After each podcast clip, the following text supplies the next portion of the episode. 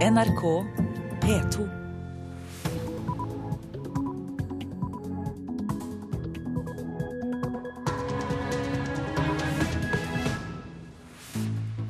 Dette er Nyhetsmorgen. Vi er kommet fram til onsdag 11.9. Dette er overskriftene nå klokka halv sju. Obama gir diplomatiet en sjanse, ber Kongressen utsette vedtak om militæraksjon mot Syria. Sentrumspartiene går inn i regjeringsforhandlinger uten å stille ultimatum. Uansett ja eller nei til oljeutbygging utenfor Lofoten, Vesterålen og Senja, begge parter har forventninger til en ny regjering. Dette er en sak som vi eh, nå ønsker å få eh, på plass. Venstre og KrF kommer til å kjempe med nebb og klør for at disse områdene skal fortsatt holdes eh, oljefri. Og filmbransjen vurderer å kvitte seg med 18-årsgrense for film. Voldsforsker advarer. I studio i dag, Øystein Heggen. President Barack Obama ba i en fjernsynstale i natt Kongressen utsette bruk av makt mot Syria. Obama advarte mot å la regimet i Syria slippe unna med bruk av kjemiske våpen, men han vil foreløpig gi diplomatiet en sjanse. This initiative has the potential to remove the threat of chemical weapons without the use of force, particularly because Russia is one of Assad's strongest allies. I have therefore asked the leaders of Congress to postpone a vote to authorize the use of force while we pursue this diplomatic path. Han eh, sender eh, utenriksminister John Kerry for å møte Russlands utenriksminister Lavrov i Genéve i morgen. Kanskje kan de komme noe nærmere eh, løsningen når det gjelder en felles resolusjonstekst som kan gå til FNs sikkerhetsråd. USA-korrespondent Gro Holm. Sentrumspartiene går inn i regjeringsforhandlingene uten å stille ultimatum til forhandlingspartnerne. Ikke engang kampen om et oljefritt Lofoten og Vesterålen vil være ufravikelige krav når forhandlingene starter, sier Venstre-leder Trine Skei Grande. Ultimatum gjør oftest at du blir stilt utafor prosesser. Og jeg har brukt og sagt det enkelt at jeg vil heller sette en regjering som ikke bygger ut Lofoten og Vesterålen, enn å stå utafor en regjering som gjør det. Eh, derfor er det viktig å kunne forhandle om gode løsninger, og ikke bare gå inn med masse ultimatum. I flere politiske saker er det enorm politisk avstand mellom KrF og Venstre på den ene sida og Frp på den andre. En kunne jo da tenkt seg at KrF og Venstre sa at Lofoten og Vesterålen skal vernes, eller asylbarna skal få bedre behandling hvis det skal bli ny regjering.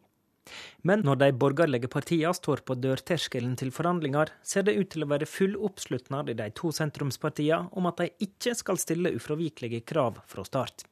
Vi har ikke stilt noen ultimatum.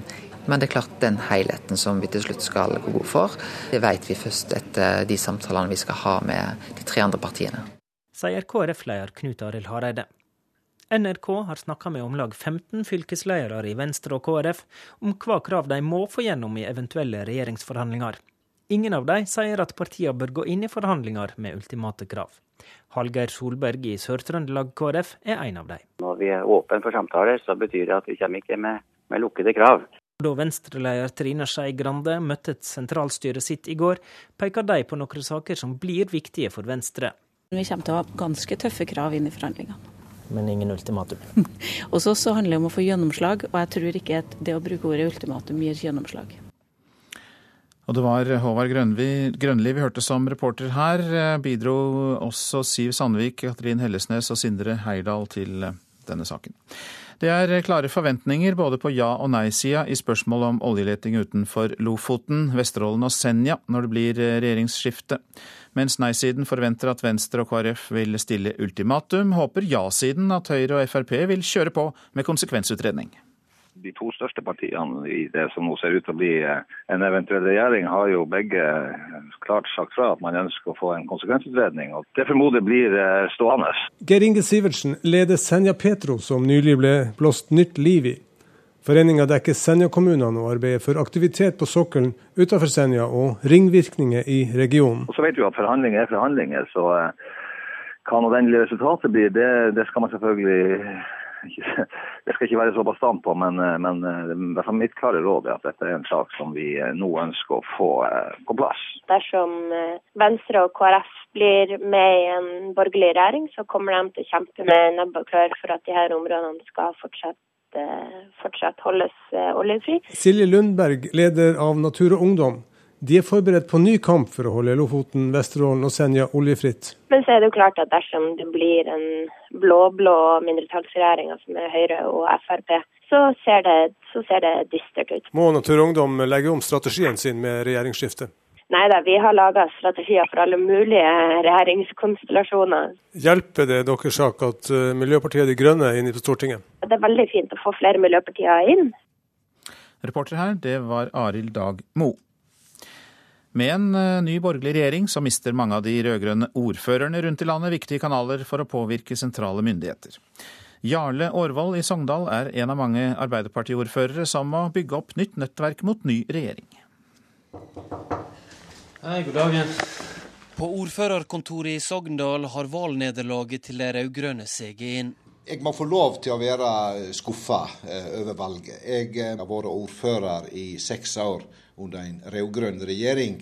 Og jeg har merka på kroppen den vekstkraften det har hatt for denne regionen.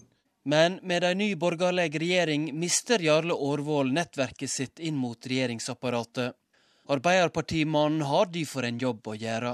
Det vil være viktig for meg som ordfører å etablere nye nettverk inn mot sentrale beslutningsmyndigheter.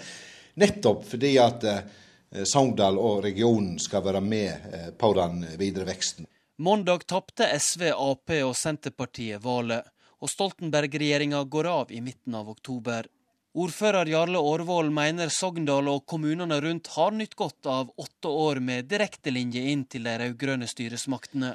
Det gjelder Samhandlingsreformen, det gjelder samferdsel, det gjelder høyere utdanning i distriktene, det gjelder utflygging av statlige arbeidsplasser. Jeg kan nevne mer. Medan Ap-ordføreren i Sogndal må bygge opp nettverket inn mot en ny borgerlig regjering fra grunnen, åpner det seg nye dører for de 125 Høyre-ordførerne i landet. Jeg tror alle sammen reagerte voldsomt positivt. Alle sammen har med viktige saker som vi, vi brenner for, og alle sammen har, ser at det nå gir oss uh, nye muligheter. Sier Høyre-politiker Noralv Distad. Distad er ordfører i kraftkommunen Aurland. Med partifeller i den nye regjeringa har han større tro på gjennomslag for sine viktige saker. Det blir lettere for oss nå. Vi har veldig mange eh, saker der statlige styresmakter er inne i bildet. Og Da er det viktig at vi da nå kan framføre det direkte inn mot de som sitter med beslutningene. Så det blir spennende. Men å ha rett partibok er ikke alltid nok. Mange rød-grønne kommuner og fylkeskommuner har brukt penger på lobbyhjelp for å påvirke sin egen regjering. I arbeidet med Nasjonal transportplan var Arbeiderpartistyrte Vik én av 35 kommuner som søkte profesjonell hjelp for å få prioritert sitt veiprosjekt. Det håper ikke ordføreren i nabokommunen Aurland blir naudsynt. Jeg har stor forstand for at de valgte å gjøre det, men jeg håper det at vi unngår å bruke den type dette, For jeg synes at det er, det er ikke sånn vi skal jobbe. Nå går vi inn i kommunestyresalen. Noralf Distad viser fram et av de mange røystelokaler i landet der folk stemte på Høyre i hopetall. Nå er Aurlandsordføreren spent på forhandlingene mellom de borgerlige partiene. Deretter så går det ut fra at det blir mange av oss som da eh, raskt vil melde oss på og komme i dialog og være med og fremme våre saker. Men òg eh, ikke bare at vi skal få gjennomslag for våre saker, men vi vil òg være med og påvirke hvilke saker regjeringen vil prioritere. Reporter i Sogndal, det var Noralv Pedersen. For 40 år siden grep Augusto Pinochet makten i Chile gjennom et blodig kupp. Med støtte fra USA styrtet det chilenske militæret den folkevalgte regjeringen. Daværende president Salvador Allende ble drept i presidentpalasset. Og dokumentarist Erling Borgen, du har også vært korrespondent for NRK i Latin-Amerika. Oppdater oss på det som skjedde 11.9.1973. Det var jo et eh, internasjonalt drama fordi Chile eh, var sett på som et slags demokratisk mirakel i Latin-Amerika. Det var bare ved to ulike anledninger at de militære hadde blandet seg inn. Så kommer da eh, Augusto Pinochet. Han gjør militærkupp mot verdens første demokratiske folkevalgte marxistiske president. Han bomber presidentpalasset. Han eh, arresterer 40 000 mennesker. 7000 av dem blir fraktet til Chiles nasjonale fotballstadion. Og i dag så kjenner vi jo den offisielle fasiten. 3200 mennesker eh, myrdet. Eh, 70 000 kanskje torturert. 500 000 mennesker måtte rømme ut av landet i eksil. 8000 av dem kom til Norge.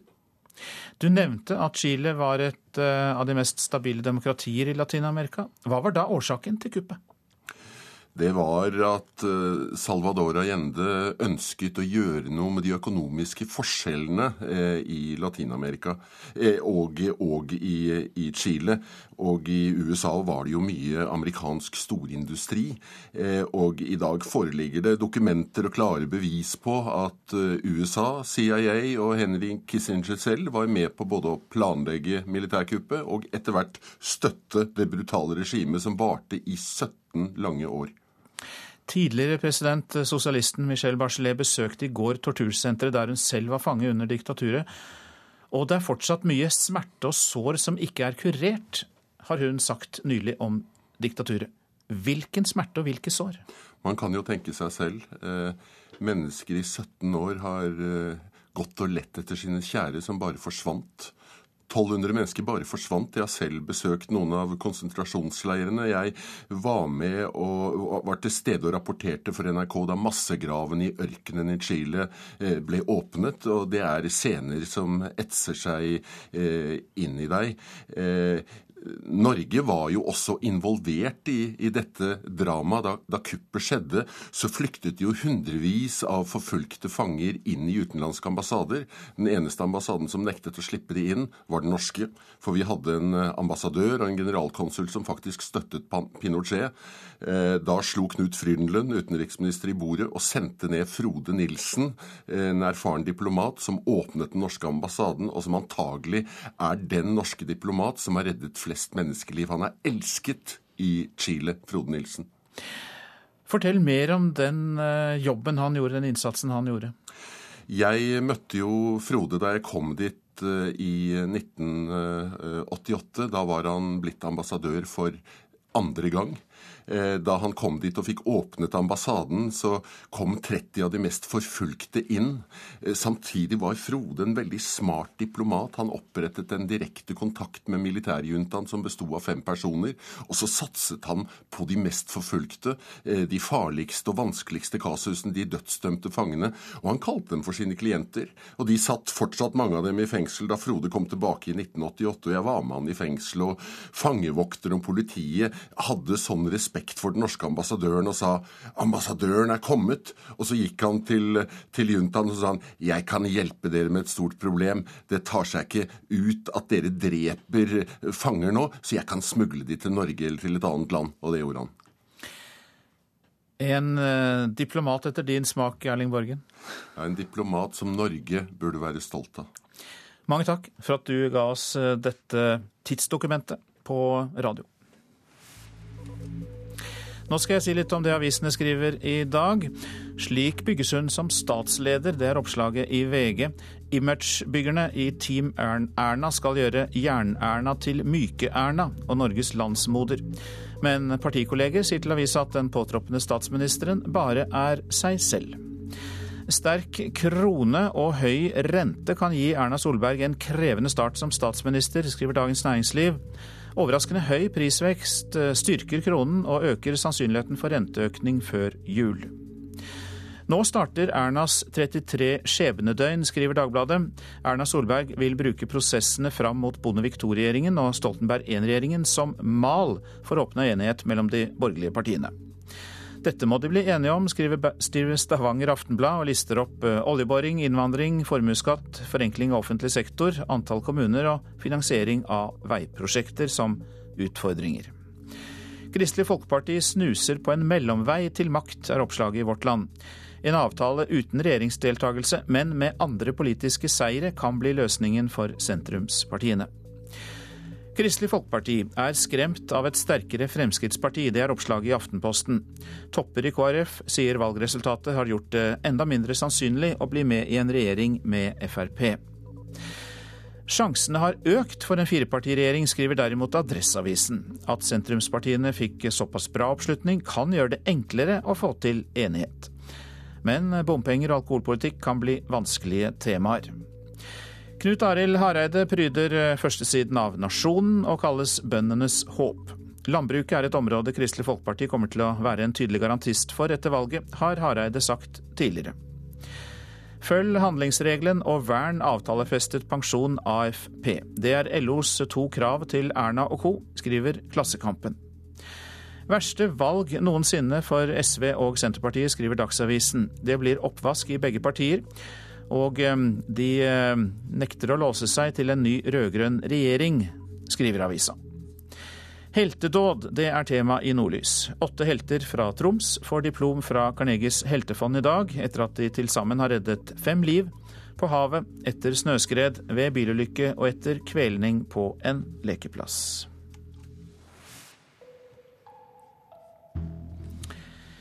Ja, nå skal vi snakke om en begredelig fotballkamp, for eh, Norge har aldri spilt så dårlig i en kvalifiseringskamp som i går, da Sveits vant 2-0 på Ullevål. Ja, det sier NRKs fotballekspert Carl Petter Løken, og får overraskende støtte fra en av de mest rutinerte spillerne. Norge mislyktes totalt i forsøket på å kapre avgjørende poeng i VM-kvalifiseringen. Jeg klarer ikke å huske det, at, vi, at, Norge har prestert så dårlig når det gjelder så mye. Skåring med spiller nummer 16, Fabian Skjær. To mål av Fabian Skjær senket Norge i en kamp hvor det norske laget fremsto som amatører. Norge hadde muligheten til å henge godt med i kampen om en VM-billett, men leverte ifølge Løken den dårligste kampen i manns minne. Det var så tafatt. Første 25 minuttene var vi ikke i nærhet. Så reiste vi oss lite grann på slutten av første omgang, men annen omgang den var jo helsvart, den også. Daniel Bråten, kan du huske å ha sett Norge spille dårligere i en kvalifiseringskamp? Nei, hva sier det? Nei, Det sier jo at vi har litt å jobbe med. Eh, så får vi se hvordan vi får gjort med det inn mot de neste kampene. Daniel Bråten har vært på landslaget i en årrekke og trekker oppgitt på skuldrene over sin egen og lagkameratenes innsats i går kveld. Mens sveitsiske supportere jublet for spillerne sine på utsiden av stadion, sto en skuffet Espen Ruud i intervjusonen og påtok seg skylden for begge målene til Sveits. Han er enig i at landslaget sviktet totalt da det gjaldt som mest, og kan heller ikke huske å ha opplevd en dårligere norsk prestasjon. Nei, jeg kan vel ikke helt det. Vi... Det var noen av de dårligste vi har spilt her i, dag. Nei, litt under paret. Det sto ikke på viljen, men uh, litt for mye prega av de tidlige måla i, i hver omgang. Syns vi takla den i første etter hvert, men ikke den i annen. Ja, det sa Egil Olsen til slutt der. Norge er da på fjerdeplass i gruppen, to poeng bak Island på andreplass. Eh, og det er jo andreplassen som kan gi playoff til VM. Rapporter her, det var Geir Elle. Dette er Nyhetsmorgen, og klokka den går mot 6.48. Dette er hovedsaker nå. Obama gir diplomatiet en sjanse, ber Kongressen utsette vedtak om militæraksjon, mens Russlands forslag om internasjonal kontroll over Syrias kjemiske våpen blir vurdert. Sentrumspartiene går inn i regjeringsforhandlingene uten å stille ultimatum. Ikke engang et oljefritt Lofoten og Vesterålen er et ufravikelig krav, sier Venstre-leder Trine Skei Grande. Og hør litt eh, seinere om filmbransjen som vil kvitte seg med 18-årsgrensen for film. Voldsforsker advarer.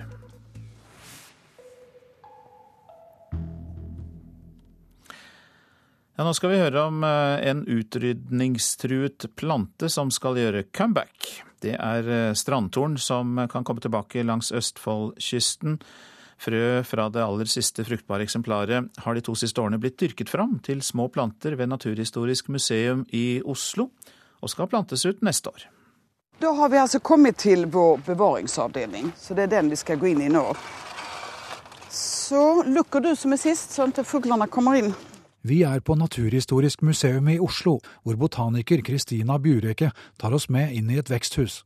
Der skal vi sjekke hvordan det går med noen helt spesielle planter. Her ser ni mange fine små barn. Disse barna er to år gamle. De er ungplanter av den utrydningstruede arten strandtorn, og de har en ganske interessant historie. Vi har fått frøene fra Østfold. Her ser ni Råde Oven Husbystranda. Men historien starter i Rygge, på stranda ved Evje i Årefjorden. Der ble den ene av bare to frøsettende forekomster av strandtorn i Østfold ved et uhell begravet under et lass med stein og grus for tre år siden. Dermed var det bare én fruktbar strandtorn igjen i fylket, nemlig den som vokser på Husebystranda i Råde. Og for å unngå at strandtorn skulle dø ut i Østfold, kom biolog Jan Ingar Båtvik opp med ideen om å dyrke frem nye planter av frø fra eksemplaret i Råde som han selv forklarte NRK Østfold for to år siden. Disse frøa de må vi da sanke og forsøke å dra fram inne. Og når vi syns at de har stått der lenge nok i kultur, så skal de ut igjen på stranda. Og det er denne ideen som har ført til at det nå vokser mange små havtornplanter i et veksthus ved Naturhistorisk museum i Oslo. I september 2011 ble frøene sanket og sendt inn. Så har vi behandlet frøene på en spesiell måte. Noen av dem utsatte vi for litt sandpapir, de er ganske harde. Og la dem i vann 24 timer først, før vi sådde dem. Og så sås de veldig eh, oppe på overflaten, for de trenger å ha lys når de skal spire. Og frøene likte tydeligvis behandlingen de fikk, for snart begynte det å vokse frem små grønne blader. Det materialet var altså veldig spiredyktig fra dette individet i Østfold. Over 180 strandtornplanter ble dyrket frem, og de er nå ca. 10 cm høye.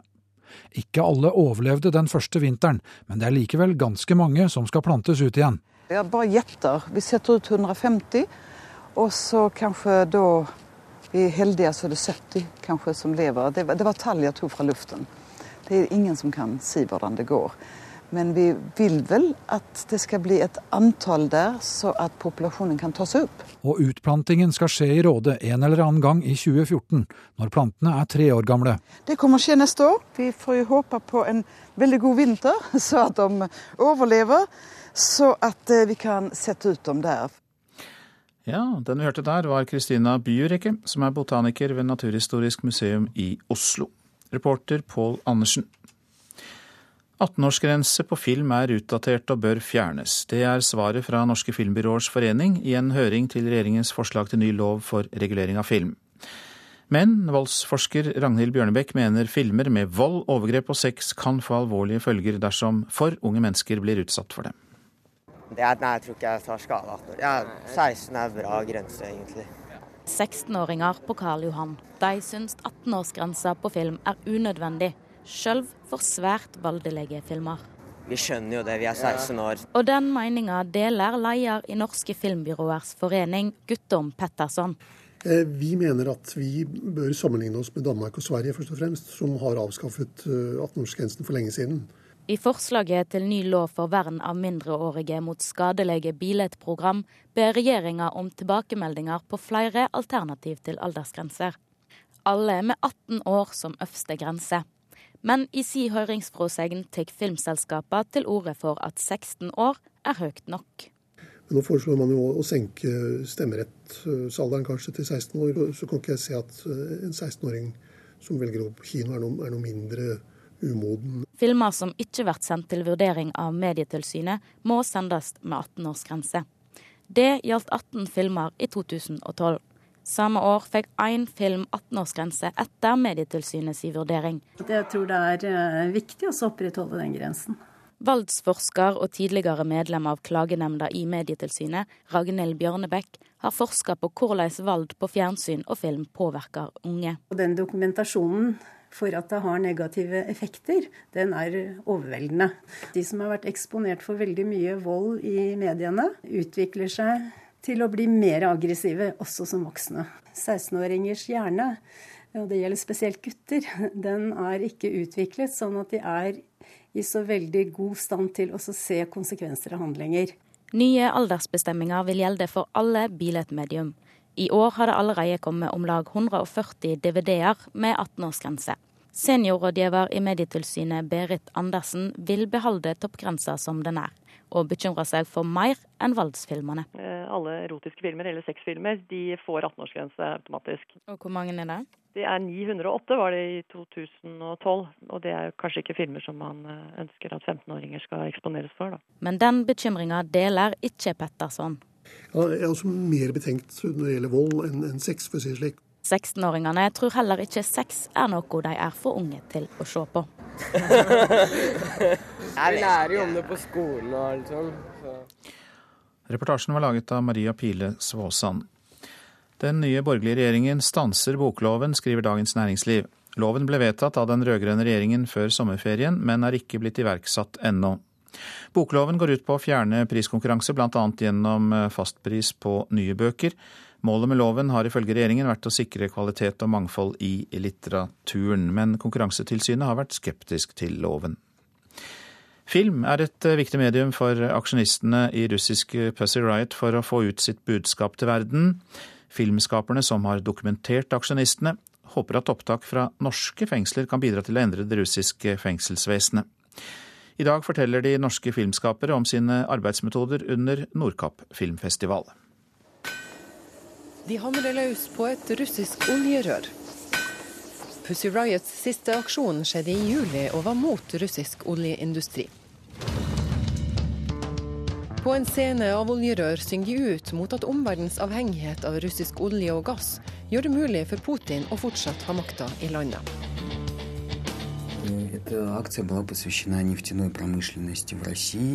Det var en aksjon vi hadde forberedt i et år, forteller Taisha Krogovok.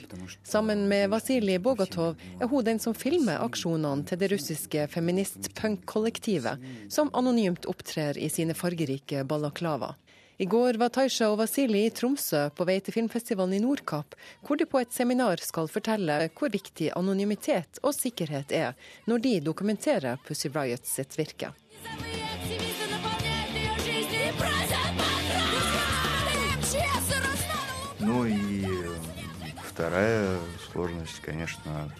Vi har visse opptak som ikke under noen omstendigheter må komme i hendene på makthaverne våre, forteller Vasilij Bogotov. Distribusjon kan gi fem års fengselsstraff, mener han. Fortsatt sitter to av Pussy Riot sine medlemmer fengsla etter opptreden i ei kirke i Moskva i fjor, hvor de sang si kritiske punkebønn mot Putin.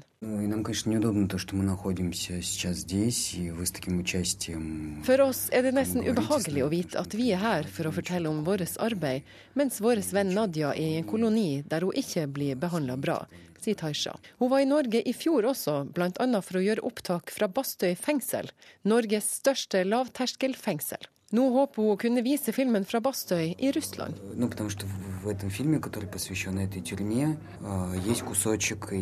Vi mener at Norge har et av verdens beste fengselsvesen, sier Taisha. Hun er overbevist om at dersom bare én person i det russiske fengselsvesen ser denne filmen, så vil det kunne gjøre masse for å endre systemet i Russland. Taisha har opplevd det russiske fengselet på nært hold når hun har besøkt sin venninne Nadia. Hun kan fortelle om streng bevoktning, om fysisk avstand og fornedrelser.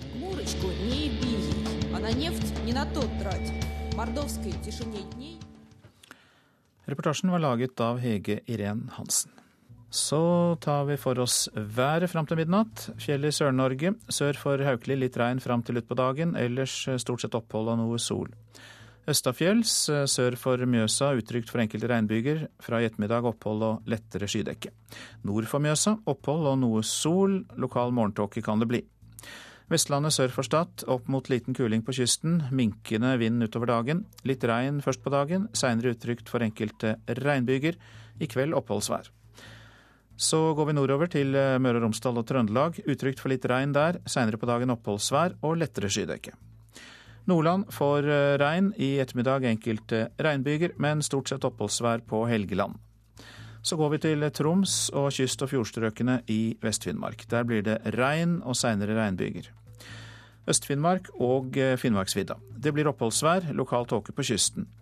I ettermiddag nordvestlig liten kuling på kysten. Regn først i vest. I kveld enkelte regnbyger på kysten, men ellers opphold. Så var det Nordensjøland på Spitsbergen. Etter hvert opphold og lettere skydekke der. Da tar vi for oss temperaturene. De ble målt klokka fem i natt. Svalbard lufthavn 1 grad, Kirkenes 13, Vardø 8, Alta 9, Tromsø-Langnes 10, Bodø 12, og det samme var det i Brønnøysund og Trondheim-Værnes. Molde 13, Bergen-Flesland 12, Stavanger mangler vi temperatur fra i dag, men Kristiansand-Kjevik har vi. Der var det 12 grader. Gardermoen 11, Lillehammer 8. Røros eh, har heller ikke gitt fra seg noen måling i dag, men Oslo-Blindern har vi fått inn, og der var det 13 grader klokka fem.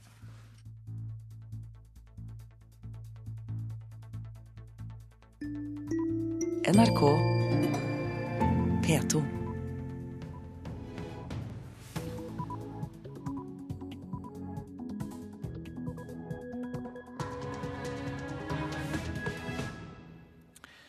Klokka den er sju. Du lytter til P2s eh, Nyhetsmorgen. I studio i dag, Øystein Heggen. Dette er en nyhetsoppdatering. Til tross for enorm avstand i flere saker, så går sentrumspartiene inn i regjeringsforhandlinger uten å stille ultimatum til forhandlingspartnerne. Ikke engang kampen om et oljefritt Lofoten-Vesterålen er fredet. Obama ber Kongressen utsette vedtak om militæraksjon mot Syria. Presidenten vil gi diplomatiet en sjanse. This initiative has the potential to remove the threat of chemical weapons without the use of force. I have therefore asked the leaders of Congress to postpone a vote to authorize the use of force while we pursue this diplomatic path. Og Da snakket altså Obama om det russiske forslaget om internasjonal kontroll av kjemiske våpen i Syria.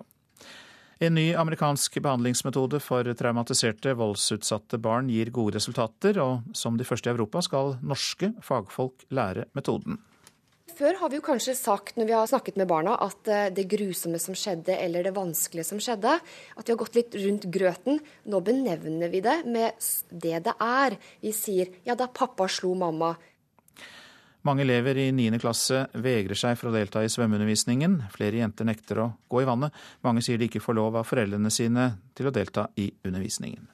Vi gjør noen tilpasninger, at man kan skifte eh, i et avlukke. Man kan eh, gjøre noen sånne enkle grep. da. Eh, men det er klart det begrenser seg jo litt også hvor mange individuelle løsninger man kan ha. Ja, sentrumspartiene går inn i regjeringsforhandlinger uten å stille ultimatum til forhandlingspartnerne. Ikke engang kampen om et oljefritt Lofoten og Vesterålen vil være et ufravikelig krav når forhandlingene starter. Ja, det sier Venstre-leder Trine Skei Grande. Ultimatum gjør oftest at du blir stilt utafor prosesser. Og jeg har brukt og sagt det enkelt at jeg vil heller sette en regjering som ikke bygger ut Lofoten og Vesterålen, enn å stå utafor en regjering som gjør det. Eh, derfor er det viktig å kunne forhandle om gode løsninger, og ikke bare gå inn med masse ultimatum. I flere politiske saker er det enorm politisk avstand mellom KrF og Venstre på den ene sida og Frp på den andre. En kunne jo da tenkt seg at KrF og Venstre sa at Lofoten og Vesterålen skal vernes, eller asylbarna skal få bedre behandling hvis det skal bli ny regjering. Men slik tenker de ikke.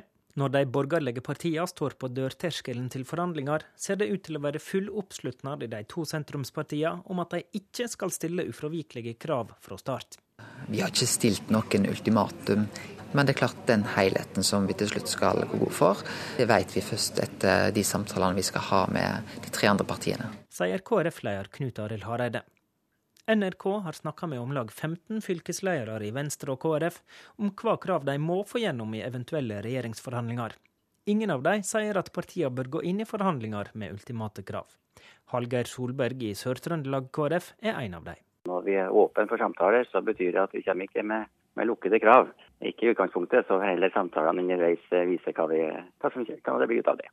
I går snakka fylkeslederne med partileder Hareide. I telefonkonferansen ble de enige om ingen ultimatum nå. Hareide tror fylkeslærerne ser at de kan påvirke best på den måten. Jeg tror eh, de ser at eh, nå har vi muligheten til å virkelig påvirke norsk politikk de neste fire årene. Jeg tror eh, den muligheten vi nå har, skal vi benytte godt. Reelle samtaler mellom Høyre, Frp, Venstre og KrF starter trolig ikke før neste uke. Frp-leder Siv Jensen peker i landsmøtetalen sin på at Frp må være et kompromissparti når det kommer til forhandlinger. Det avhenger av at dere står like lojalt bak meg nå som dere gjorde i går. Hun sier til nrk.no at hun sa dette fordi hun har stor respekt for de mange og sterke meningene i partiet, og at hun derfor hamrer inn at det er ubehagelig å inngå kompromiss. Nestleder Ketil Solvik-Olsen sier denne holdninga betyr at heller ikke de har absolutte krav når de fire setter seg ned. Nei, vi har ingen ultimatum. Det har vi gjentatt gang på gang. Det er mange saker vi kjemper sterkt for, eh, og som vi ønsker gjennomslag for, men det er totalpakken som er det viktige her. Senest i juni peker Venstre på saker de skal ha gjennom hvis samtalene munner ut i en ny regjering. Og da Venstre-leder Trine Skei Grande møtte sentralstyret sitt i går, peker de på noen saker som blir viktige for Venstre. Det å få en helhetlig og ny, mer offensiv klima- og miljøpolitikk blir viktig. Det å få kunnskapspolitikk med satsing på forskning og lærere blir viktig. Og de våre satsinger for til fattigdom og, og grønt gründerskap. Det viktigste er å få gjennom politikk, sier Grande. Vi kommer til å ha ganske tøffe krav inn i forhandlingene. Men ingen ultimatum. Hos oss så handler det om å få gjennomslag, og jeg tror ikke at det å bruke ordet ultimatum gir gjennomslag. Og det var mange reportere som samlet informasjon til denne saken. Håvard Grønli, Siv Sandvik, Katrin Hellesnes og Sindre Heierdal. Magnus Takvam, du er politisk kommentator i NRK. Vi hørte tre partier som ikke vil ta ordet ultimatum i sin munn. Ikke engang fylkeslederne vil gjøre det. Hva er det egentlig de sier nå? Vel, Forhandlingstaktisk så er det aldri lurt å sette opp uh, absolutte grenser på forhånd. Da mister man en del av uh, skal vi si, forhandlingsrommet. Men jeg tror alle rundt det bordet, når de setter seg, kjenner standpunktene hverandre. Eh, jeg tror de er opptatt av alle sammen å kommunisere forhandlingsvilje. Valgkampen og slagordene er liksom passé, nå er det ferdig, nå er det realiteter det handler om. Og jeg oppfatter også at alle egentlig sier at det å få innflytelse er viktig, og det får man lettest i en flertallsregjering. Eh, altså Det er eh, innstillingen på forhånd blant disse partiene. Blir det en mindretallsregjering, så vet jo alle at f.eks. Lofoten, Vesterålen for Venstre og KrF sin del eh, kan eh, ryke for dem, fordi Høyre, Frp og Arbeiderpartiet antagelig vil bruke flertallet til eh, oljeutvinning der, f.eks. Men eh, selv om de ikke vil stille ultimatet med noen av dem, så kan vi jo plukke fram ja, Trine Skei Grande f.eks. Der er jo klima- og miljøpolitikk helt essensielt. Det er klart. Og jeg tror alle skjønner at Venstre, og for så vidt heller ikke KrF, vil sitte i en regjering som åpner for Lofoten og Vesterålen. Da vil de to partiene bli knust av miljøbevegelsen i løpet av den perioden vi, vi kommer inn i når det gjelder oppslutning og troverdighet i miljøpolitikk. Men så har vi jo storesøstre i dette her. Kan vel tillate seg å stille ultimatum? altså Da tenker jeg på Høyre?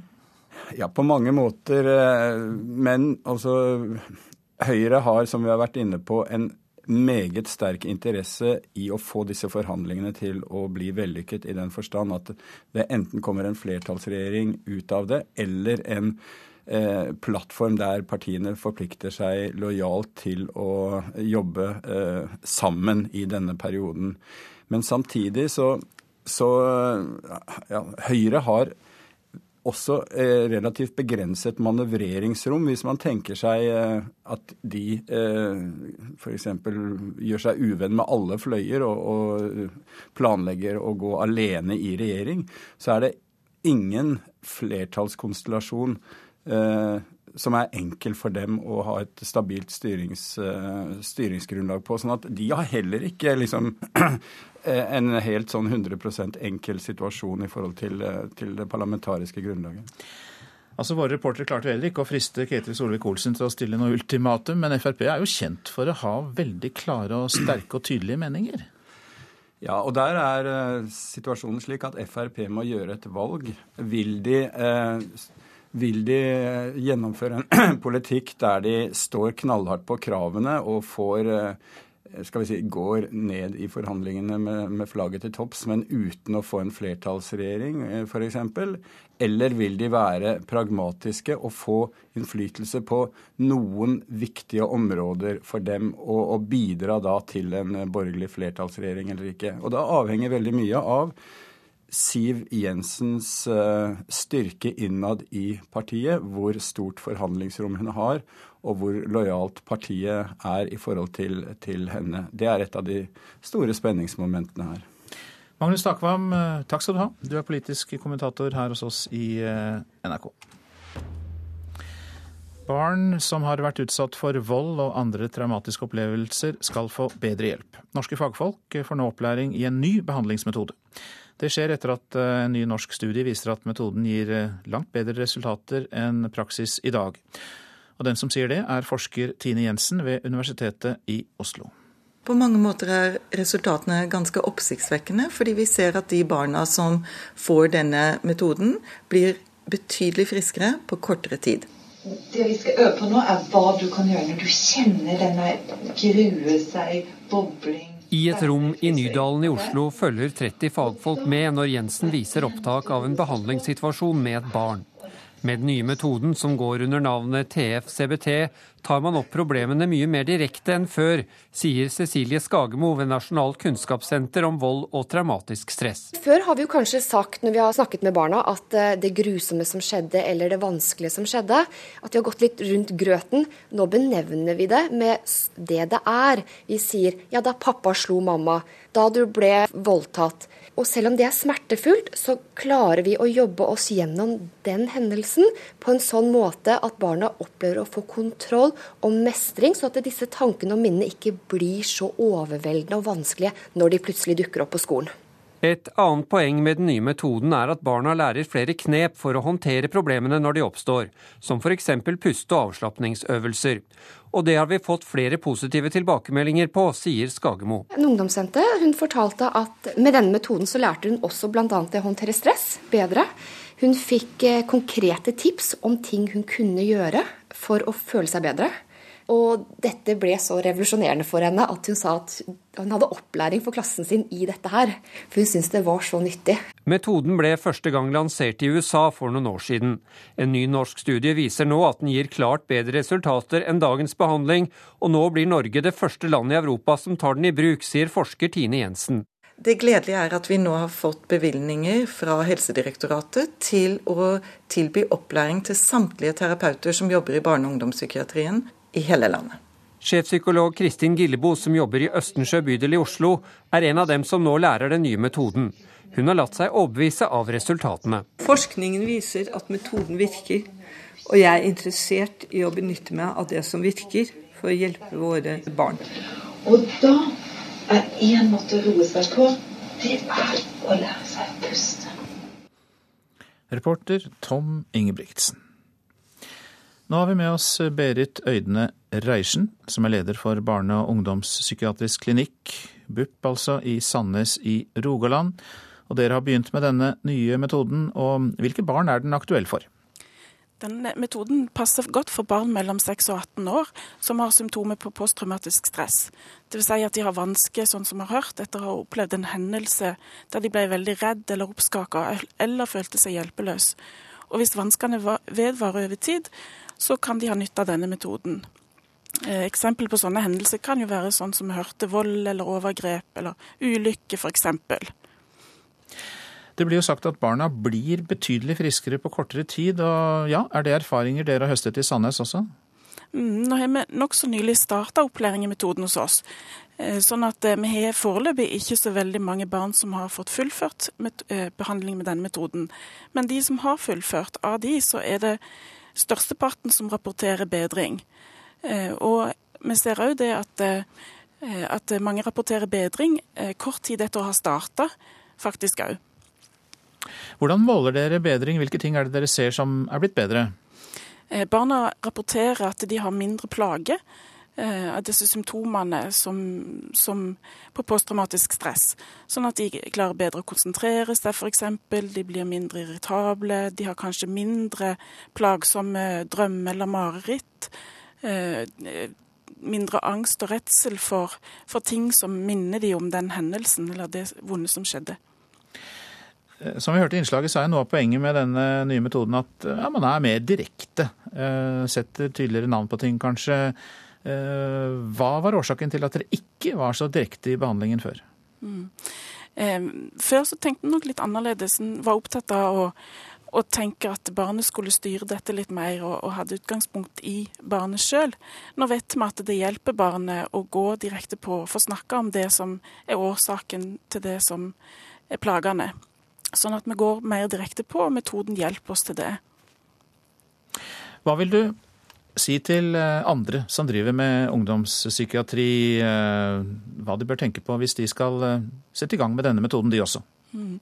Metoden er, Det er ikke så veldig ukjent for oss. Metoden inneholder mange teknikker som var kjent fra før, men det setter det på en måte sammen i, et, i en struktur på en ny måte.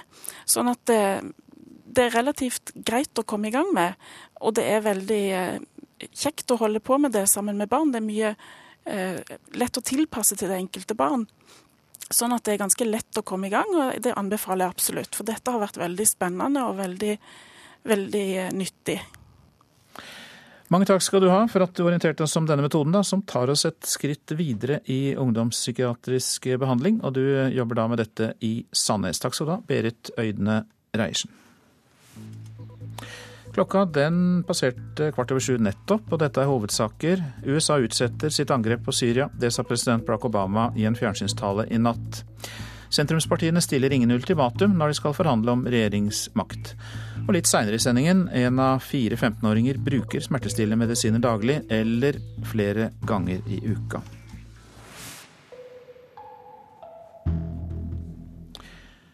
President Barack Obama ba i en fjernsynstale i natt Kongressen utsette bruk av makt mot Syria.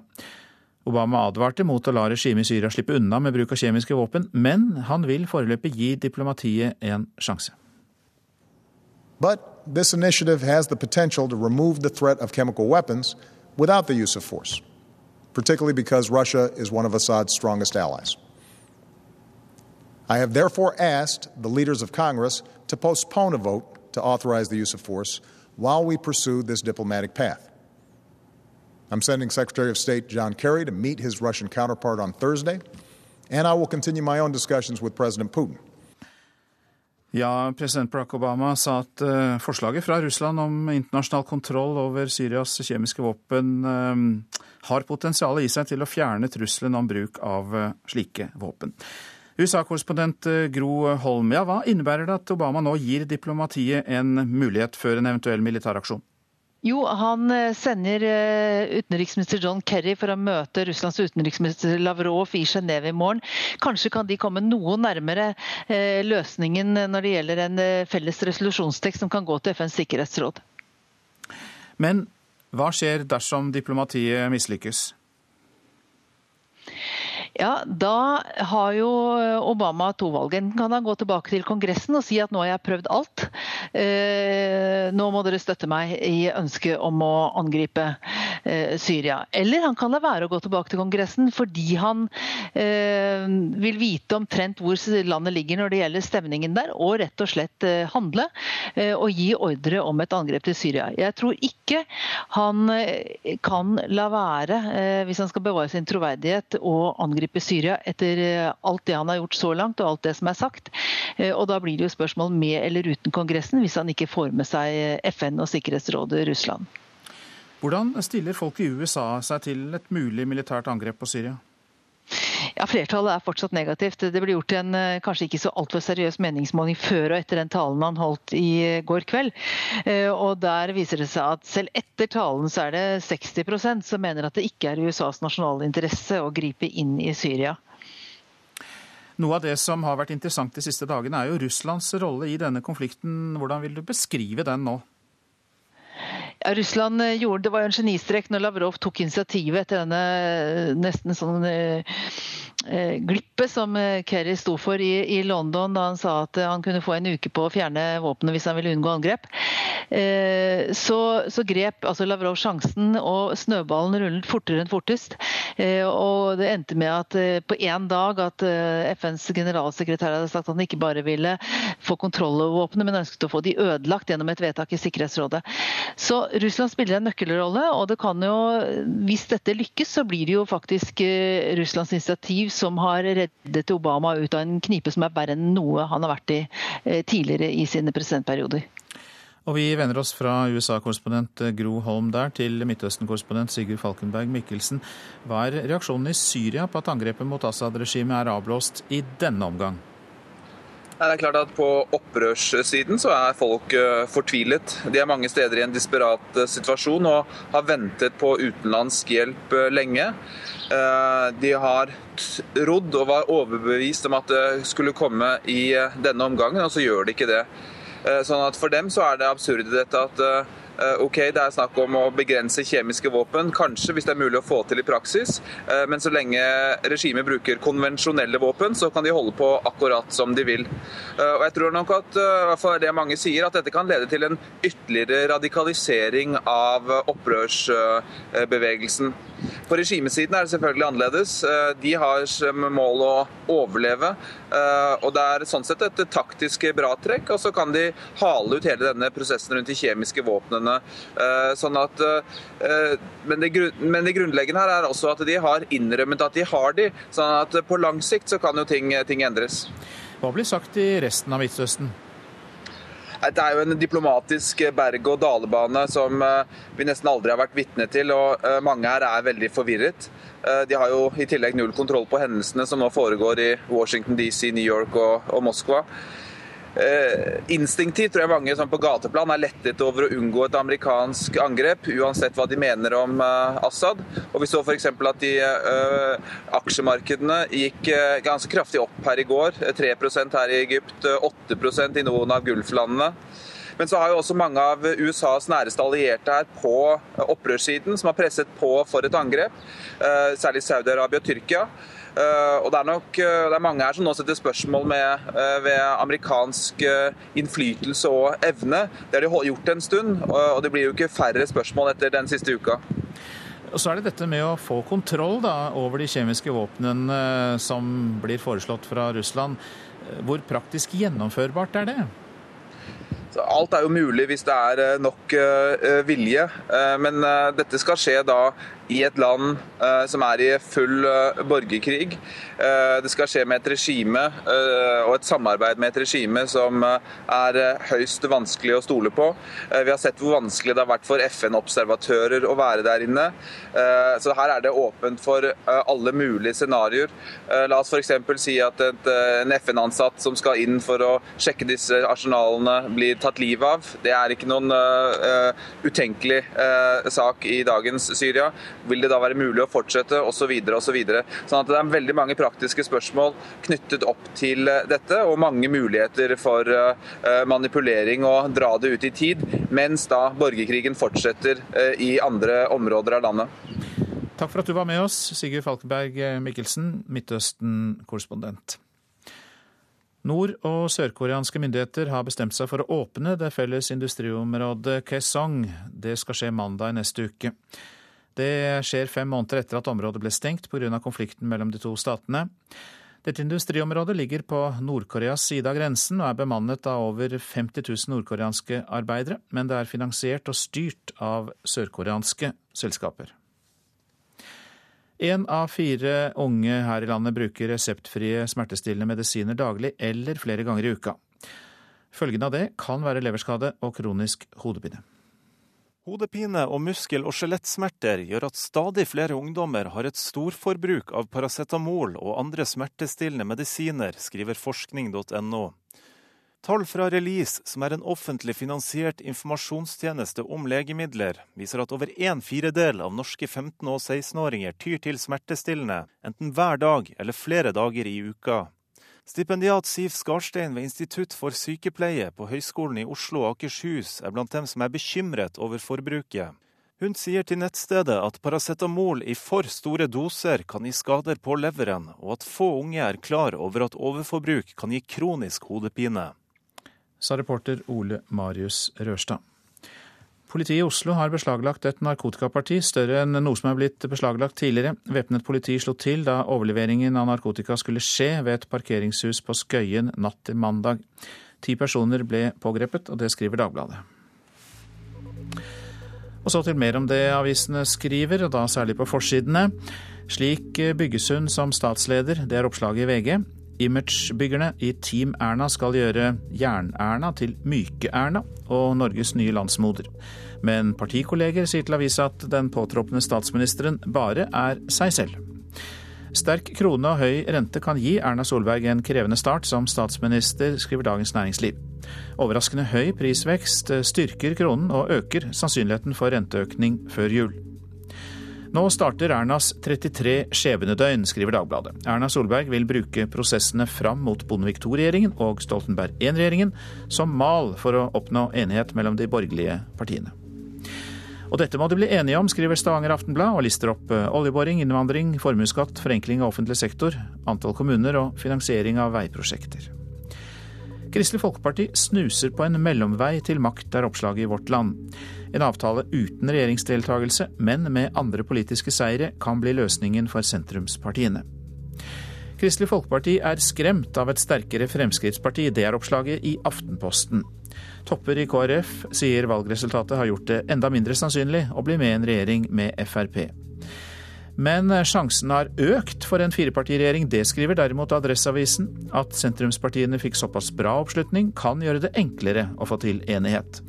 Men bompenger og alkoholpolitikk kan bli vanskelige temaer. Knut Arild Hareide pryder førstesiden av Nasjonen og kalles bøndenes håp. Landbruket er et område Kristelig Folkeparti kommer til å være en tydelig garantist for etter valget, har Hareide sagt tidligere. Følg handlingsregelen og vern avtalefestet pensjon. Det er LOs krav til Erna og co., skriver Klassekampen.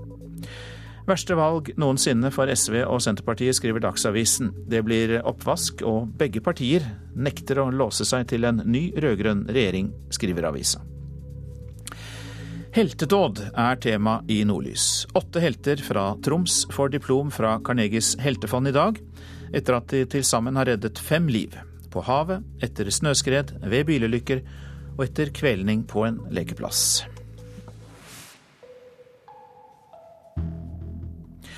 Mange elever i 9. klasse vegrer seg for å delta på svømmeundervisningen.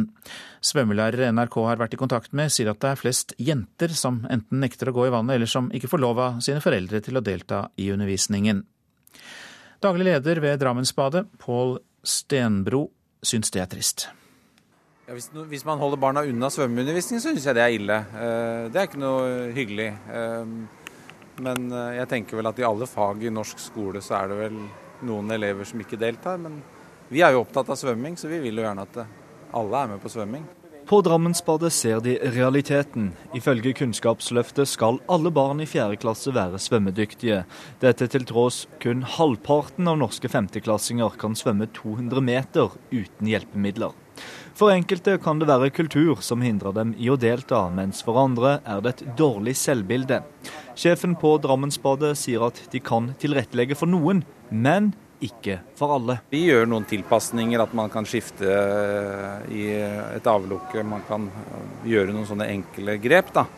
Eh, men det er klart det begrenser seg jo litt også hvor mange individuelle løsninger man kan ha. Men vi har jo noen som man kan tilpasse litt for, sånn at man kan delta. og Det finnes jo løsninger med andre typer badedrakter osv. som noen kunder hos oss benytter seg av. Det er skolenes ansvar å følge opp barnas svømmeundervisning. Dersom barna ikke deltar i undervisningen, får kontaktlærer og rektor oppgaven med å si ifra til foreldre, sier rådgiver hos utdanningsdirektøren i Drammen, Ann Sofie Porters. Man gjør dem oppmerksom på at med alvoret med det der med å kunne svømme, at det er faktisk det eneste kompetansekravet som finnes i læreplanen som du kan dø av hvis du ikke når det. Og vi har dessverre en del drukningsulykker i dette landet i løpet av et år. Og Derfor er det også viktig for oss å forsikre oss om at elevene får den svømmeundervisningen som de skal ha, at de når de kompetansekravene som, eh, som eh, kan nå. I sommer druknet en 13 år gammel gutt fra Drammen på ferie i Tyskland. Han kunne ikke svømme. Dette har kommunen tatt konsekvensen av, og skjerper nå inn oppfølgingen overfor barnas foreldre. Vi skal følge disse elevene eh, tett hele skoleløpet oppover, sånn at de får den svømmeundervisningen de skal ha. Og selv om svømmeundervisning er obligatorisk, må vi innse at ikke alle kommer til å lære det, sier Pål Stenbro på Drammensbadet. For to år siden så var det 730 elever som hadde vært innom i 9. klasse, og i fjor så var det 650. Eh, og det er klart at det er noen av de som av ulike årsaker finner dette vanskelig. Eh, det er det ikke noe å bare si at eh, det må dere slutte med, liksom. Så, så det har vi respekt for. at okay, Det er litt forskjell på det, da, enten det er kultur eller det er, eller det er kroppslige ting som gjør at eh, noen syns dette er ubehagelig. Ja, daglig leder ved Drammensbadet, Pål Stenbro, sa det til vår reporter Odd Vegard Kambale.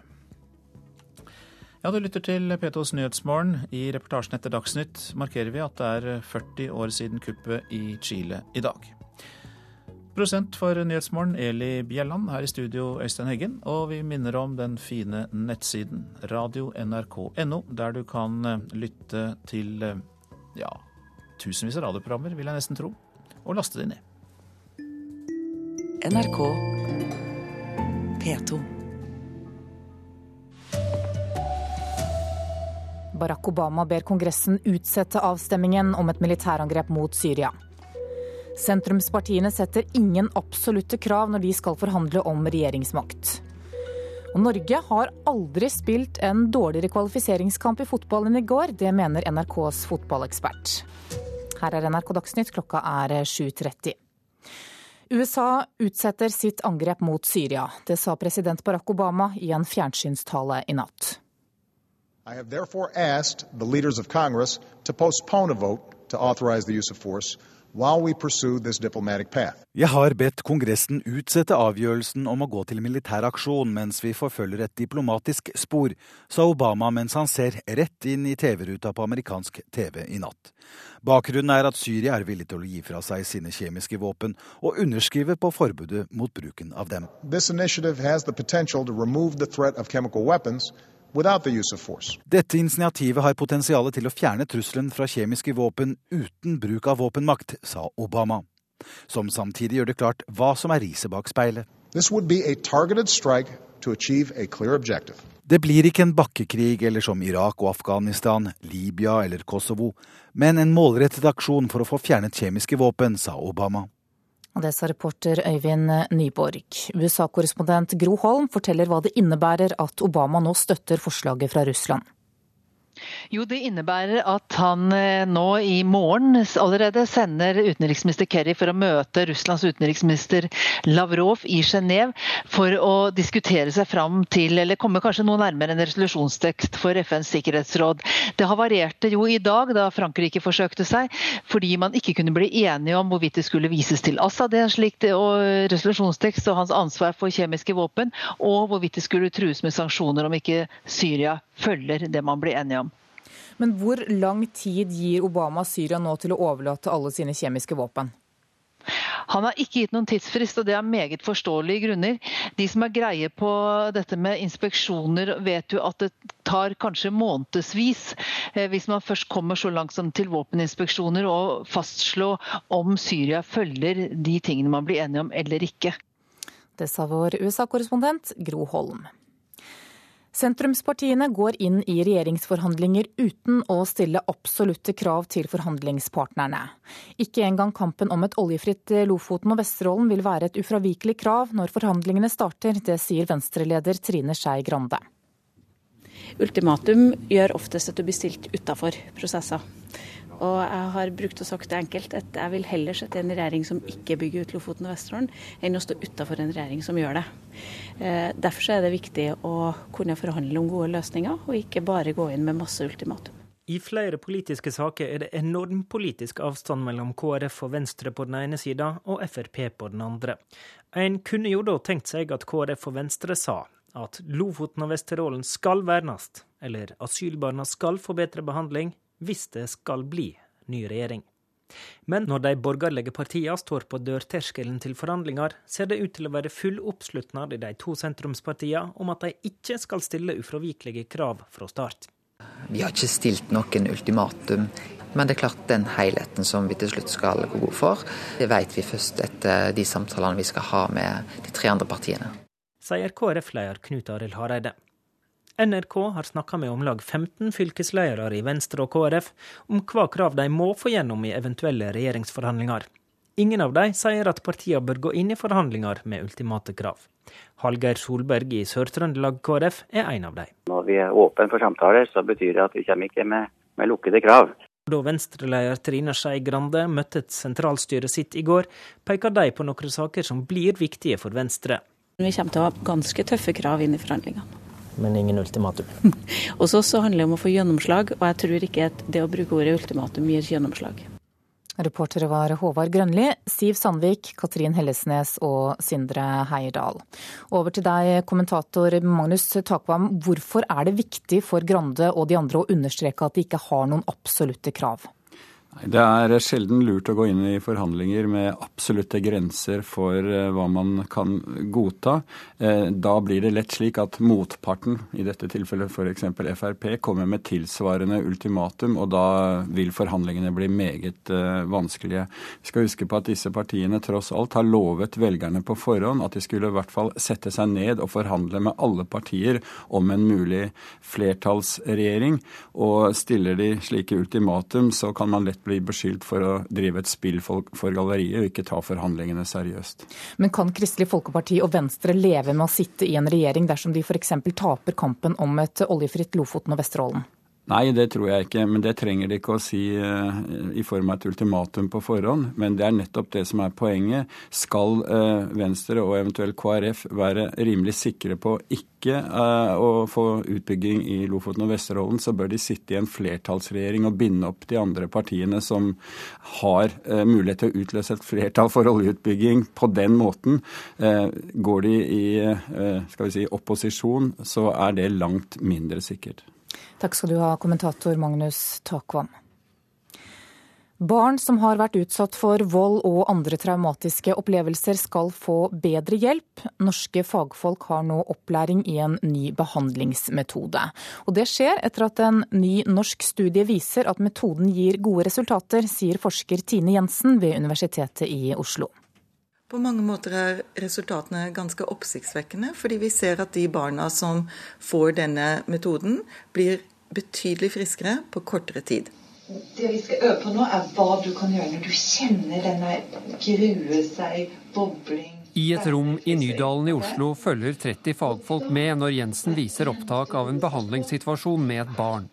Med den nye metoden, som går under navnet TF-CBT, tar man opp problemene mye mer direkte enn før, sier Cecilie Skagemo ved Nasjonalt kunnskapssenter om vold og traumatisk stress. Vi har gått litt rundt grøten. Nå benevner vi det med det det er. Vi sier ja, da pappa slo mamma, da du ble voldtatt.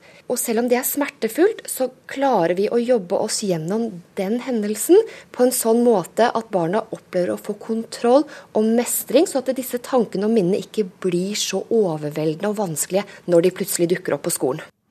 Og reporter her, det var Tom Ingebrigtsen. 18-årsgrense på film er utdatert og bør fjernes. Det mener Norske Filmbyråers Forening. Men en voldsforsker advarer mot konsekvensene. Ja, nei, jeg tror ikke jeg tar skade av 18 år. 16 er bra grense, egentlig. Tre 16-åringer på Karl Johan. De syns 18-årsgrensa på film er unødvendig. Og den meninga deler leder i Norske Filmbyråers forening og sjef for SF Film Norge, Guttorm Petterson. Eh, vi mener at vi bør sammenligne oss med Danmark og Sverige, først og fremst, som har avskaffet 18-årsgrensen eh, for lenge siden. Og det er 15 år som er øverste grense. Vi foreslår 16. Valdsforsker og tidligere medlem av klagenemnda i Medietilsynet, Ragnhild Bjørnebekk, har forska på hvordan valg på fjernsyn og film påvirker unge. Den dokumentasjonen for at det har negative effekter, den er overveldende. Og så ser de at de som har vært eksponert for veldig mye vold i mediene, de utvikler seg til å bli mer aggressive også som voksne. Det sa voldsforsker Ragnhild Bjørnebekk, reporter var Maria Pile Svåsand. Så fotball. Norge har aldri spilt så dårlig i en kvalifiseringskamp som i går, da Sveits vant 2-0 på Ullevål stadion. Det sier NRKs fotballekspert Carl Petter Løken. Jeg klarer ikke å huske det, at, vi, at Norge har prestert så dårlig når det gjelder så mye. Skåring med spiller nummer 16, Fabian Skjær. To mål av Fabian Skjær senket Norge i en kamp hvor det norske laget fremsto som amatører.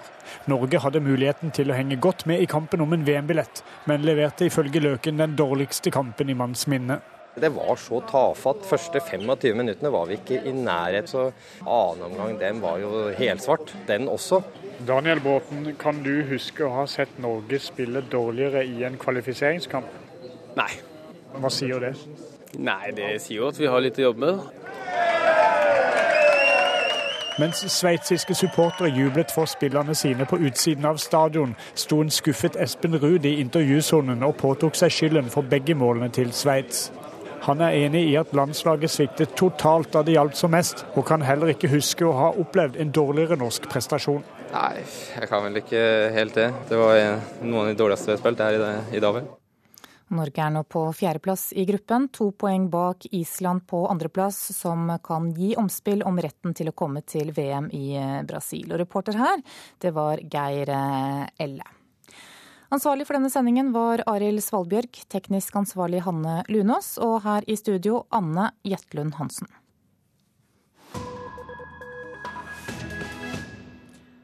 Dette er P2s uh, Nyhetsmorgen.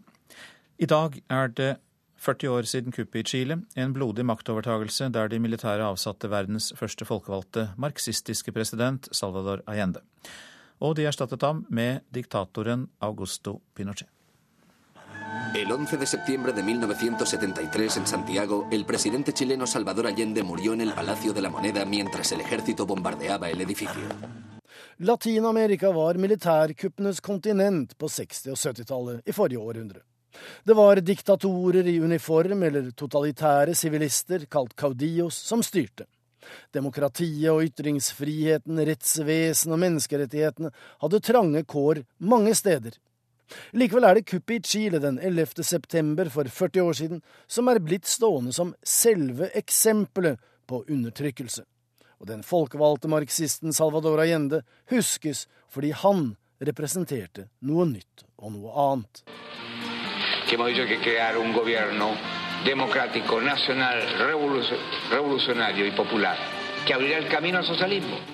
Kuppet var brutalt som kupp er, og diktaturet skulle vare i 17 år. Tusener ble drept og titusener holdt i forvaring, mens hundretusener forlot landet og levde i eksil. Den aldrende diktatoren Augusto Pinochet ønsket etter hvert å få sin posisjon som president legalisert, og den ble forankret i lovverket etter en kritisert grunnlovsendring. Men han ville også ha folkets tillit. Han skrev derfor ut en folkeavstemning i 1988 og ba velgerne si ja til ham som sivil president, men han tapte. Etter betydelig press tok han folkets nei til etterretning og gikk av. En breves horas más El gobierno que me honro en presidir hará entrega del poder político a las nuevas autoridades elegidas democráticamente por el pueblo chileno. Det er gått 40 år siden kuppet og mer enn 20 siden demokratiet ble gjeninnført. I november skal det nok en gang velges ny president i Chile. Men ironisk nok blir også denne valgkampen preget av fortiden. For de to kvinnelige førstekandidatene minner chilenerne om det som en gang var. Bueno, sin duda que estoy más vieja que la primera vez que fui candidata a la presidenta de la República, pero la energía y la juventud en términos de las ganas son las mismas e incluso mayores. Michelle Bachelet er eldre nå, innrømmer hun, enn første gang hun ble valgt til president for tolv år siden. Men forsikrer at hun har mer erfaring og at energien er på topp. Hun ble selv arrestert og torturert i 1973. Men det gikk verre med faren. Han var general i flyvåpenet, men nektet å være med på kuppet. Han ble torturert av sine egne og døde av behandlingen han fikk. Ved en skjebnens ironi er også Michel Bachelets hovedutfordrer Evelyn Matei datter av en general i flyvåpenet. Men general Matei deltok aktivt i kuppet, støttet Pinochet og var en del av den sentrale militærjuntaen. Evelyn Matei vil gjerne se fremover. Hun snakker i dag forsonende om sin motstander. Creo que la elección está totalmente abierta. Siempre he señalado que Michelle Bachelet es totalmente ganable. For kandidat Matei var selv Pinochet-tilhenger og delvis aktivist den gang, i likhet med mange godt voksne chilenske velgere. Det splittede landet jobber fremdeles med både sosiale og juridiske forsoningsprosesser, og de to presidentkandidatene, med de historiske etternavnene, gjør at befolkningen stadig blir minnet om den vanskelige fortiden. Og det sa reporter Joar Hoel Larsen. Dette er Nyhetsmorgen, og dette er hovedsakene. Obama gir diplomatiet en sjanse, ber Kongressen utsette vedtak om militæraksjon, mens Russlands forslag om internasjonal kontroll over Syrias kjemiske våpen blir vurdert. Ikke engang kampen om et oljefritt Lofoten og Vesterålen er ufravikelige krav når de borgerlige går inn i forhandlinger. Og filmbransjen vil kvitte seg med 18-årsgrense for film. Voldsforskere advarer. Valget er over, og Knut Arild Hareide er på plass i Politisk kvarter studio. Så hva skal du spørre han om nå, programleder Lars Nehru Sand?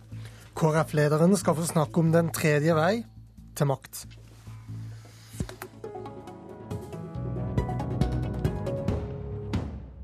Velkommen, Knut Arild Hareide, leder i Kristelig Folkeparti. Mellomveier til makt mellom eh, vi begynner på nytt. En mellomvei mellom makt og opposisjon kommer helt sikkert til å bli tema i regjeringsforhandlingene til uken, sier du til Vårt Land i dag. Grei ut. Ja, det er jo sånn at eh, KrF har lovt at eh, vi nå skal få et skifte. Og vi er glad for at det norske folk eh, sier tydelig at vi ønsker et skifte ved valget 9.9. Og da kommer vi til å sette oss ned sammen med Høyre, Fremskrittspartiet og Venstre. Og det er klart, vi vet at det er politiske forskjeller mellom de partiene. Og vi må da først finne ut av eh, hvilken regjering er det naturlig at eh, landet får. Vi har pekt på en sentrum-høyre-regjering. Eh, vi ser at det er ikke den løsningen Høyre sjøl peker på. En firpartiregjering har vi sagt er lite sannsynlig ut ifra den politiske avstanden mellom de partiene. Nå vil ikke jeg utelukke noe, for det er politikken som avgjør her. Eh, og det er eh, nettopp pga. den politiske avstanden vi har sagt at det er lite sannsynlig. Nå får vi avklare det gjennom de samtalene som, som kommer. Men det er klart at det finnes jo òg muligheter for å kunne ha avtaler på enkelte politiske områder, dersom vi velger en regjering som ikke består av alle partiene, annet. Kristelig Folkeparti har jo prøvd en slik avtale før, det er riktignok mange år siden. Men det frista ikke til gjentakelse da, var vel den interne forståelsen etterpå? Det tror jeg er helt riktig. Det var en avtale som var mellom eh, Willoch eh, og sentrumspartiene fra 81 til 83. Men det går jo selvfølgelig helt ut fra hvordan den avtalen blir utforma. Eh, ja, hva slags avtale kan du leve med, da? Jeg tror det som var Problemet med den avtalen som Willoch hadde, var at handlefriheten til sentrumspartiene var minimal i den avtalen som ble lagt fram av eh, Kåre Willoch. Og Resultatet den gang ble jo at eh, sentrumspartiene valgte å gå inn i regjeringa i 83. Eh, det òg kan jo være noe som skjer denne gangen her, dersom sentrumspartiene velger å stå utenfor regjering. At den òg på et senere tidspunkt kan gå inn. Det som jeg sier sier tydelig, at vi skal samtale, vi skal være konstruktive. Det er politikken som avgjør. Og jeg vil ikke begynne å utelukke løsninger nå. Jeg er derimot opptatt av å se på flere løsninger. Men det er politikken som avgjør. Det politiske gjennomslaget som har betydning for KrF. Men Solberg kommer jo heller ikke til å tillate noen avtale som gjør at du kan løpe til de rød-grønne annenhver uke og, holde deg til den eh, blå regjeringen annenhver uke. Så du, du skjønner jo også at den avtalen vil bli sterkt innskrenket hva slags handlingsfrihet dere vil ha. Ja, Iallfall så er det sånn at vi har forpliktet oss på en, på en, ny regjering, en ny retning. og Det ønsker vi å bidra til. Og først og fremst så ønsker vi å komme i regjering, fordi vi vet at der får vi størst gjennomslag. Da påvirker det òg politikken dag til dag. Men det er òg nettopp derfor det ikke kan være for stor spenning internt i en regjering. Nettopp fordi at her er det daglige avgjørelser som tas hele veien. Og da må ikke spenningen være så stor at det spriker for mye. Det har jo vi bl.a. opplevd med den rød-grønne regjeringa, eh, der statsråder skrev avisinnlegg mot hverandre Eh, sågar den siste veka av eh, valgkampen, der Bård Vegar Solhjell skrev innlegg mot eh, Ola Borten Men Hvis vi holder oss til fremtiden, nå har du fått sove litt på valgresultatet. Hvordan er sjansene for en firepartis regjering nå, sammenlignet med på mandag morgen? Jeg har sagt at jeg tror ikke sannsynligheten verken har gått opp eller ned. Vi opplevde et sentrum Hvorfor ikke det? Ja, Fordi at sentrum gjorde et godt valg. Både KrF og Venstre sier seg godt fornøyd med valgresultatet. Samtidig så gjorde òg eh, Fremskrittspartiet et relativt sett et godt valg. Så jeg tror styrkeforholdet er på mange måter sånn som det var da vi lagde vårt vedtak eh, for ett år siden. Eh, og da sa vi at en firepartiregjering er, er lite sannsynlig. Men det går jo på den politiske avstanden. Og det er klart det som blir avgjørende nå, er jo den viljen Høyre og Fremskrittspartiet viser til å se at sentrum har en nøkkelrolle i norsk politikk de neste årene. Eh, og eh, ja, det er sakene som nå kommer til å avgjøre hvor vi lander. Men når alle partiene, som du sier, har vært eller har grunn til å være fornøyd med valgresultatet. Dere har alle fire investert noe i dette prosjektet gjennom en lang valgkamp. Dere har eh, i fire, kanskje også åtte år, økt uh, antallet fellesmerknader, skrevet dere sammen på mye, vært med på forlik. Uh, alle partiene har den holdningen at man sitter, eller får mer igjen ved å sitte i regjering enn å være utenfor. Hvorfor påvirker ikke det sannsynligheten for en firepartisregjering til at den nå er større enn noen gang? Ja, Det går på det politiske. Eh, og jeg tror at det er jo i dag fokus bl.a. på et oljefritt Lofoten og Vesterålen. Og selv om ikke det er stilt noen ultimatum over det, så kan ikke jeg se for meg at Venstre og KrF kan sitte i en regjering som åpner for oljeboring der, eksempelvis. Jeg har òg sagt, og det står jeg veldig tydelig for, at Eh, jeg vil ikke selge KrFs landbrukspolitikk for å komme i regjering. Altså Det er jo politikken som, som her avgjør. Men det kan, også... at, det kan tenkes at Fremskrittspartiet er mer villig til å gi mer enn det du har sett for deg, og da kan du jo ikke lukke den muligheten. Akkurat. Og det er det jeg nå er spent på.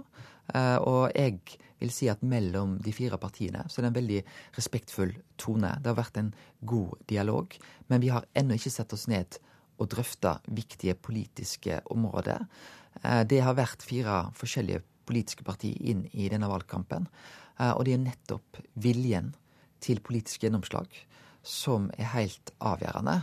Men ut ifra der vi ser partiprogrammene i dag, så mener jeg det er riktig å stå fast på det vi har sagt hele veien, at en firepartiregjering er lite sannsynlig.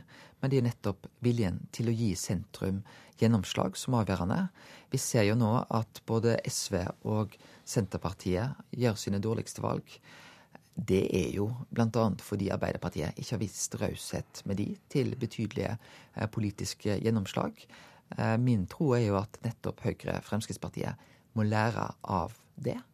Eh, det er sånn at et mindre parti må ha gjennomslag, og ikke minst når sentrum har en slik eh, nøkkelrolle. Men dette er jo ikke først og fremst for hva som er best for Venstre eller KrF, men hva som er best for Norge. Det er det som har betydning eh, når vi setter oss ned. Jeg fulgte både rovdyrforlik og klimaforliket, som var de to store forlikene i Stortinget i forrige periode, ganske tett. Og vil du ikke der si at Fremskrittspartiet nettopp var mer kompromissvillige, løsningsorienterte, enn mange trodde før dere satt dere ved bordet? Absolutt. Eh, jeg fulgte òg eh, ikke minst da klimaforliket tett. Eh, og opplevde en veldig konstruktivt Fremskrittsparti i den saken. Og Hvis det fortsetter, så øker jo sannsynlighetene for en firepartisregjering? Det er jo politikken som her avgjør. Og det er klart at får vi politisk gjennomslag som vi er veldig godt fornøyd med, så øker sannsynligheten ja. Vil du anbefale forhandlingsleder Erna Solberg på mandag å starte med de vanskelige sakene for å ikke kaste bort for mye tid, eller å starte med de enkle sakene for å se hvor langt det kan gå? Ja, nå er det sånn at uh, Den første fasen her, det vil være sonderinger, samtaler rundt hvilket uh, regjeringsalternativ som er det mest realistiske. Og det er klart at da vet vi at vi må begynne på noe av det som er det krevende. Områder der vi vet at det er politisk uenighet. Vi vet at det er det på miljøpolitikken. Eh, vi vet at det er fattigdomsbekjempelse internasjonalt. Eh, landbruk, eh, alkohol er noen områder som, som vi trenger å få viktige avklaringer på. Og det vil du ha tidlig? Jeg tror det er klokt å, å begynne med det. Fordi den type samtaler, sonderinger, som vil være første fase når vi eventuelt kommer i gang, det vil jo være for å avklare hvilken regjering vi får. Nettopp. Vi skal høre Erna Solberg som eh, i går sa dette til NRK. Vi må eh, alle, alle strekke oss langt, og så må alle tenke hva alternativet deres er. Hvis de vil ha påvirkning for sakene sine, så er det alltid mest påvirkning å sitte i en regjering. Eh, det kan ha en opsjon å sitte i Stortinget og protestere eller skape andre flertall og sånt, men det vil være, være vanskeligere kanskje å få gjennomslag for de sakene som er unike for ditt parti eh, på den måten. Og eh, det er jo litt av det tilbudet som ligger i å sitte i regjering, at du da kan få gjennomslag for noen saker som egentlig det er du, ditt parti, som aller helst vil ha. Og dette øker vel også sjansen for en firepartisregjering, når du hører Solberg investere så mye i det, og også er villig til å strekke seg, virker det som. Ja, eh, det er jo klart, eh, men vi vet ikke det før vi har satt oss ned eh, og hatt samtalene. Det vi vet, er at å sitte i regjering, det gir størst gjennomslag. Men vi kan heller ikke sitte i en regjering der vi ikke går god for helheten. Og det er den på en måte avveiningen vi er nødt til å gjøre når vi kommer i samtalene. Og det gjør dere på mandag. Takk for at du satte deg ned her i Politisk kvarterstudio, Knut Arild Hareide.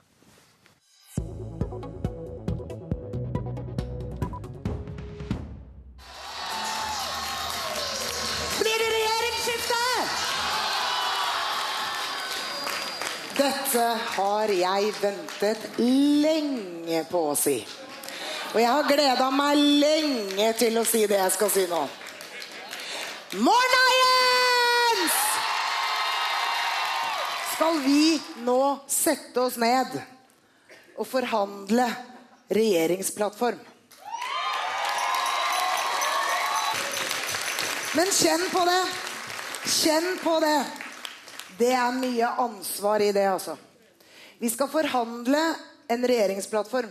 Og vi har sagt i hele denne valgkampen at det er viktig for oss å få satt et ordentlig fotavtrykk på den plattformen. Vi har sagt til velgerne at det er viktig at de stemmer Fremskrittspartiet. For bare da får vi ordentlig gjennomslag for viktige Fremskrittspartiløsninger. Og det har velgerne sagt at de vil ha! Hvis vi står sammen, så klarer vi dette. Et utdrag av Siv Jensens tale, appell, utblåsning, feiring, kall det hva du vil, på Fremskrittspartiet valgvake mandag kveld.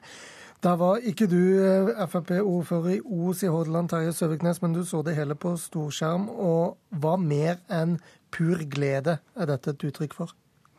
Nei, Det er nok eh, et uttrykk for et enormt engasjement og en masse følelser som, som kommer etter at eh, Siv har jobba knallhardt eh, i mange mange år med å realisere Fremskrittspartiets strategi.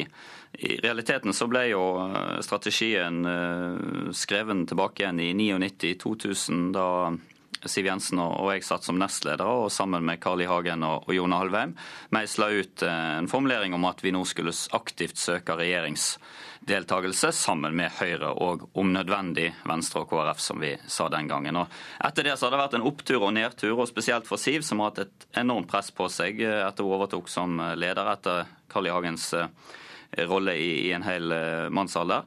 Og eh, hun har hatt det tøft, og lykkes nå skikkelig, både med å gjøre et godt valg og sikre et borgerlig flertall. og Da, da kommer denne enorme energien til syne.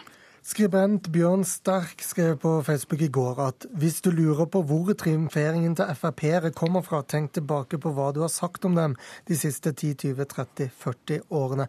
Hvor mye av forklaringen ligger her, et parti som har vært mobba og endelig må bli tatt på alvor? Ja, Det er klart at det ligger mye i det. Det har jo på mange måter vært FrPs posisjon eh, som har vært hunsa med, og man har dømt de nord og ned og begravet de, og likevel så har man reist seg som fugl føniks eh, i, i flere runder. og for Siv så er dette en enorm seier. og det, det, å kunne da ta Frp inn i noen en regjeringsforhandling, og kanskje i en regjering, det vil bety enormt mye for, eh, for hele organisasjonen. Du tapte en sentralstyreavstemning selv mot Bård Hoksrud for få år siden. Blant det som ble brukt mot deg da, så var det at du hadde stemt for bompengeprosjekt lokalt. Hvordan er forståelsen for kompromiss og konsekvensen av makt i partiet nå? Min opplevelse er at her eh, har det vært en gradvis modningsprosess de siste 10-15 årene. Eh, vi sitter i, stadig flere kommuner eh, og styrer sammen med de andre borgerlige partiene, og en har fått styringserfaring. Og eh, mange har fått med seg kompromissets kunst, i, den forstand at man, man, må finne løsninger som er akseptable for alle partene, for å kunne skape resultat for eget parti. Er Frp-kulturen godt nok forberedt da på hva som er i vente? Jeg tror i hvert fall vi er langt bedre forberedt enn det SV var ved forrige korsvei, når de skulle inn i det rød-grønne prosjektet. Eh, og Så får vi se. Nå er det forhandlinger, og det blir en viktig rolle for Siv å både på ene sida forhandle godt på vegne av partiet opp mot de andre partnerne rundt eh, bordet, og være både tøff og konstruktiv der, men samtidig da jobbe med forankring bakover i partiorganisasjonen via sentralstyre, landsstyre og ut i, i hele rørsla.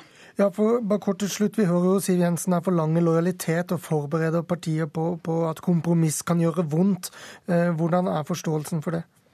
Jeg tror den forståelsen er god. Eh, som sagt, Vi har veldig mange eh, lokalpolitikere som etter hvert har erfaring fra å sitte i posisjon, og dette har vært kommunisert eh, godt internt i organisasjonen. Så jeg ser positivt på, på mulighetene. og jeg tenker at De borgerlige partiene har alle sammen interesse av å lykkes med dette prosjektet. og Da tror jeg for min del at man bør sitte i regjering sammen og danne en flertallsregjering.